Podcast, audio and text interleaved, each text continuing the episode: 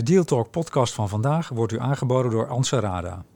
Sinds 2005 heeft Anserada al meer dan 23.000 transacties begeleid, waaronder M&A, kapitaalinjecties, desinvesteringen, herstructureringen en IPO's. Het nieuwe Anserada Deals zet een nieuwe standaard in dealtechnologie. De veilige dealsruimte omvat tools voor projectmanagement, AI-powered data rooms, speciale Q&A-faciliteiten en integratieframeworks. Anserada Deals is meer dan een virtuele dataroom. Het is een complete transactiemanagement-oplossing voor de gehele deal lifecycle. Start kosteloos op ansarada.com. Welkom bij Deal Talk, de podcast over fusies en overnames. Mijn naam is Jan-Jaap Omvlee. Vandaag de gast Rafael Gomez Núñez, verkozen tot Best Debt Advisor van 2021. Welkom uh, Rafael. Mag ik, mag ik vragen om jezelf uh, even kort voor te stellen? Jazeker, dankjewel. Inderdaad, Rafael Gomez Núñez. Uh, mooie uitspraak overigens. Ik, uh, ik ben werkzaam bij Niels Schumann. Niels Schumann is een corporate finance boutique. daar ben ik een van de zeven partners. Ik hou me bezig met debt advisory. En nou, daar zit ik nu vijf jaar. We vieren dit jaar onze twintigste verjaardag. Hiervoor heb ik twintig jaar lang bij ABN AMRO gezeten in, in diverse disciplines. En, uh, maar wel allemaal op het financieringsvlak. Dus uh, dat heb ik meegenomen in, uh, in het werk bij Niels Schuurman. En nou ja, we zijn een, een mooie onderneming die heel actief is in de markt. Dankjewel. Daar komen we straks zeker over te spreken. We beginnen altijd met de deal van de week of van de dag. Wat was voor jou de deal van de week of de dag? Nou, wat mij opviel is niet zozeer een deal, wel een gerucht. Dat er interesse zou zijn van BNP om ABN AMRO over te nemen. Uiteraard omdat ik een achtergrond heb bij ABN AMRO in de afgelopen 20 jaar, of in de 20 jaar dat ik er heb gezeten, heb ik gezien hoe de bank uh, groeide, internationaal steeds actiever werd, maar ook werd overgenomen uh, en uit elkaar viel en weer een nieuwe start maakte. En uh, nou, het feit dat nu weer een nieuwe fase zou kunnen aanbreken en dat de staat het aandeel wat ze nog hebben in de bank zou overdragen aan, aan BNP, ja, dat, dat springt in het oog natuurlijk. Ja, hoe schat jij de kansen in van BNP? Ja, is altijd lastig te voorspellen in, in M&A. Ja, het is, uh, ABN AMRO is een keer eerder uh, in gevaar gekomen door een overname van banken. Ja, ik, ik denk dat daar wel goed naar gekeken gaat worden. Uh, ervaring van Nederlandse ondernemingen die door Franse ondernemingen worden overgenomen is ook niet altijd even goed. Dus ik denk dat daar politiek wel het, het een en ander achter gaat zitten voordat het zover komt. Ik weet het wel zeker. Ja, dus, maar het, is, het, het schijnt voor nu alleen maar interesse te zijn. Dus het staat er nog best wel ver van een, uh, van een transactie af. Tenminste, dat, dat zeggen de kranten. We houden het in de gaten. We houden het in de gaten. Dank je. Voor mij was de deal van de dag was, uh, de overname van uh, Business Insider door Site of Media.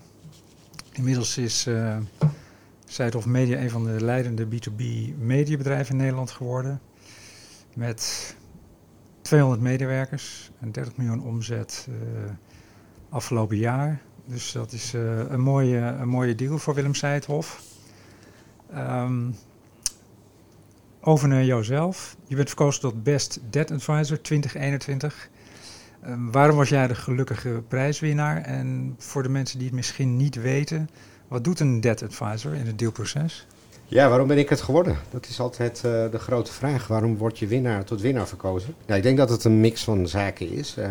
Eén, uh, ik ben al heel lang actief in het vak. Ik zit uh, 25 jaar, begeef ik me in, in deze business. Dus dan, dan heb je ook wel naamsbekendheid en een netwerk. Ik denk dat dat zeker bijdraagt. Ja.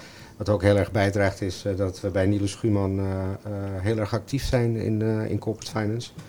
Uh, we hebben een track record van uh, 12 jaar uh, het winnen van Debt Advisory. We hebben echt een reputatie in de markt. We zijn ook duidelijk de marktleider in, in Debt Advisory in de Benelux. Dus nou ja, dat, dat helpt ook. Kun je, kun je uitleggen wat, wat, wat het aandeel is van Debt Advisory in een deal? Nou, wij worden over het algemeen ingehuurd als onze klant op zoek is naar een financiering. En dat kan elke vorm van financiering zijn. Dat kan te maken hebben met een acquisitie. Dus dat kan een, een private equity onderneming zijn die een bedrijf gaat kopen en daarvoor funding wil ophalen om die acquisitie te financieren. Maar dat kan ook zijn een onderneming die wil groeien en financiering heeft, maar dat wil aanpassen of wil herfinancieren om op die manier verder te kunnen groeien. Maar het kan ook een deal uh, met zich meebrengen uh, als een bedrijf het moeilijk heeft om te voldoen aan, uh, aan bepaalde afspraken. En ze helpen in het proces om de banken, ja, om, om weer met de banken tot een tot goede overeenstemming te komen. Ah, ja. En wat is ons aandeel daarin? Het hangt er heel erg vanaf wat voor een soort transactie dat is. maar wij zijn in principe de intermediair die ervoor zorgt dat de wensen van de onderneming ertoe leiden dat er een financiering komt die het beste past bij datgene wat ze willen bereiken. En dat is, ja, dat is afhankelijk van de strategie van, uh, van de onderneming. Wij zorgen ervoor dat uh, de informatie goed is, en de, de, dat uh, de analyse juist is. Dat we de juiste partijen uitnodigen, dat we de juiste structuur optuigen. Um, ja, alles met het doel om, om dat, dat, dat strategische doel van de onderneming in ieder geval te ondersteunen. En jij hebt nu die prijs gewonnen. Is die ook te herleiden tot een speciale deal? Nou, ik heb in, het, ja, in 2021 uh, heb ik aan een 12, 13 tal deals uh, gewerkt. Het is niet één specifieke deal uh, waar, waar het naartoe te herleiden is. Er is wel één deal waar ik, ja, waar, ik wat langer mee bezig ben geweest. Dat, dat was een, een transactie voor een private equity. en het bijzondere aan die transactie is dat we daar ja, iets nieuws probeerden neer te zetten door een financiering voor een overname waarbij een fondsfinanciering werd gecombineerd met, met banken, zowel voor het financieren van of een cashflow financieringsstructuur, maar ook uh, met, met receivables financiering en, en voorraadfinanciering. En dat bracht met zich mee dat je met verschillende partijen in verschillende lagen een transactie moest maken. En, en dat die, dat die drie ook allemaal met elkaar moesten communiceren, die financiering. Dus dat, dat, was een uitdaging, daar zijn we negen maanden mee bezig geweest. Maar gelukkig met een, eh, met een zeer goed resultaat. En, nou, het was een omvangrijke financiering. Dus nou, dat was een van de, van de mooie deals en structuren die, die, die ik dat jaar heb gedaan. Ja, mooi. Als we kijken naar de markt in dit jaar 2022, kun jij bepaalde trends zien? zie je verschillen in de markt hè, vergeleken met een half jaar geleden toen de wereld er nog anders uitzag? Ja, de, de, de, beginnen tekenen in de markt te komen dat, uh, ja, dat alles wat om ons heen gebeurt, dat uh, dat, dat van invloed uh, is. Um, er is sowieso al een langere trend gaande in, in de financieringsmarkt. we merken heel erg dat de aanwezigheid van de fondsen in de Nederlandse en in de Belgische markt steeds groter wordt en, uh, en, de, en, de, deelname van banken steeds kleiner. Dat heeft aan de ene kant te maken door een, uh, een verscherpt toezicht vanuit de ECB op de Nederlandse banken. Daar hebben fondsen minder last van. dus daar waar in het verleden het merendeel van de financieringstransacties door banken werden gefinancierd, zien we nu dat, dat een, juist het merendeel door fondsen wordt gefinancierd. Dus dat is een, een belangrijke trend, denk ik. Um, ja, en verder zie je dat, uh, dat er veel meer onzekerheid in de markt zit. Uh, er is uh, het inflatiespook, er is ja, verhoogde energieprijzen. We hebben natuurlijk te maken met een gespannen geopolitieke situatie. Um, dus er is, er, wordt, ja, er is meer voorzichtigheid. Je ziet dat, dat bepaalde delen van de financieringsmarkt op dit moment gesloten is. Dat is met name de, de publieke uh, kapitaalmarkten. Dan hebben we het over de, de, bondmarkten, maar ook de, de grotere uh, financieringen in de gesyndicede markt. Um, en daardoor merk je gewoon dat, merk je dat de yields, de, de rentevergoedingen in die segmenten toenemen. En dat leidt ook weer tot een, tot een weerspiegeling in de andere markten. Dus je ziet dat dat rentemarges omhoog kruipen. Naast dat Euribor ook om, uh, aan het stijgen is natuurlijk. Ja. Uh, dus dat geeft allemaal wat meer onzekerheid. En niet alleen op de financieringsmarkt, uiteindelijk ook op de M&A-markt uiteraard. En duren de deals dan ook langer daardoor, door de toegenomen complexiteit? Uh, dat is heel erg afhankelijk van welke, in welke sector de onderneming die aan het financieren bent zit wat je vaak ziet met dit soort verschuivingen is dat er een, eh, zoals dat eh, mooi heet, een flight to quality is. Dus dat sectoren die het goed doen bij, uh, bij financiers, dat die uh, weinig te lijden hebben onder de ontwikkelingen. Welke zijn dat bijvoorbeeld? Nou, de, de, de bekendste zijn uh, de healthcare-markt, de software-markt, ja. delen van de ICT-markt. Maar over het algemeen sectoren waarbij de voorspelbaarheid uh, uh, van, de, van de cashflows uh, goed is en sterk is. Precies. Dus daar merk je dat nog vrij weinig. Maar er zijn ook sectoren die wel degelijk cyclischer zijn, die meer last kunnen hebben bij, bij economische neergang. En daar merk je dat het, dat het uitdagender is om daar tot, tot de transactie te komen die je daadwerkelijk had willen of wil, wil ophalen. Zie je daar ook minder deals of, of duren ze, zijn ze alleen maar complexer geworden? Nee, we zien niet minder deals. de, de markt die bevindt zich op dit moment echt op een top. Er zijn heel veel transacties in de markt. En iedereen zit ook, zit ook vol met, met de uitvoering van de transacties. De vraag is of, of dat een, een, run to the door is, oftewel nog, nog snel een deal doen voordat ja, de onzekerheid echt intreedt. is moeilijk te voorspellen, maar het is op dit moment zeker heel druk.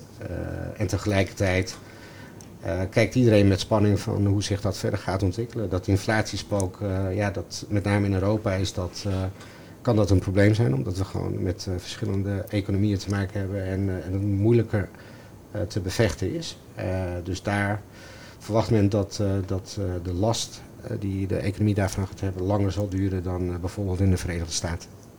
We zagen de laatste tijd al de, de opkomst en de toenemende macht van private equity en venture capital. Zie je die nog steeds?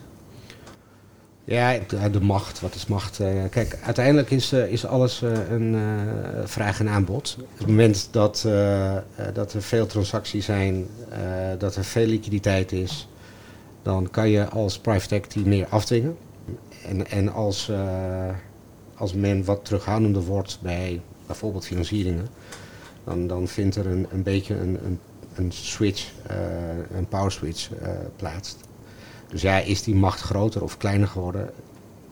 Op dit moment is hij, is hij gelijk. Ik kan niet echt uh, zeggen dat ik uh, dat heel duidelijk merk dat, uh, dat er meer macht of minder macht is bij private equity. En venture capital? Ja, venture capital heeft op inzicht dat het daar meer risico aan vastkleeft. Ja. Omdat nou, het zijn startende bedrijven of scale-ups. Dus daar eh, is meer risico mee gemoeid. Daar gaat ook uh, over het algemeen worden die meegevund met, uh, met equity of equity-like producten dan, dan financiering.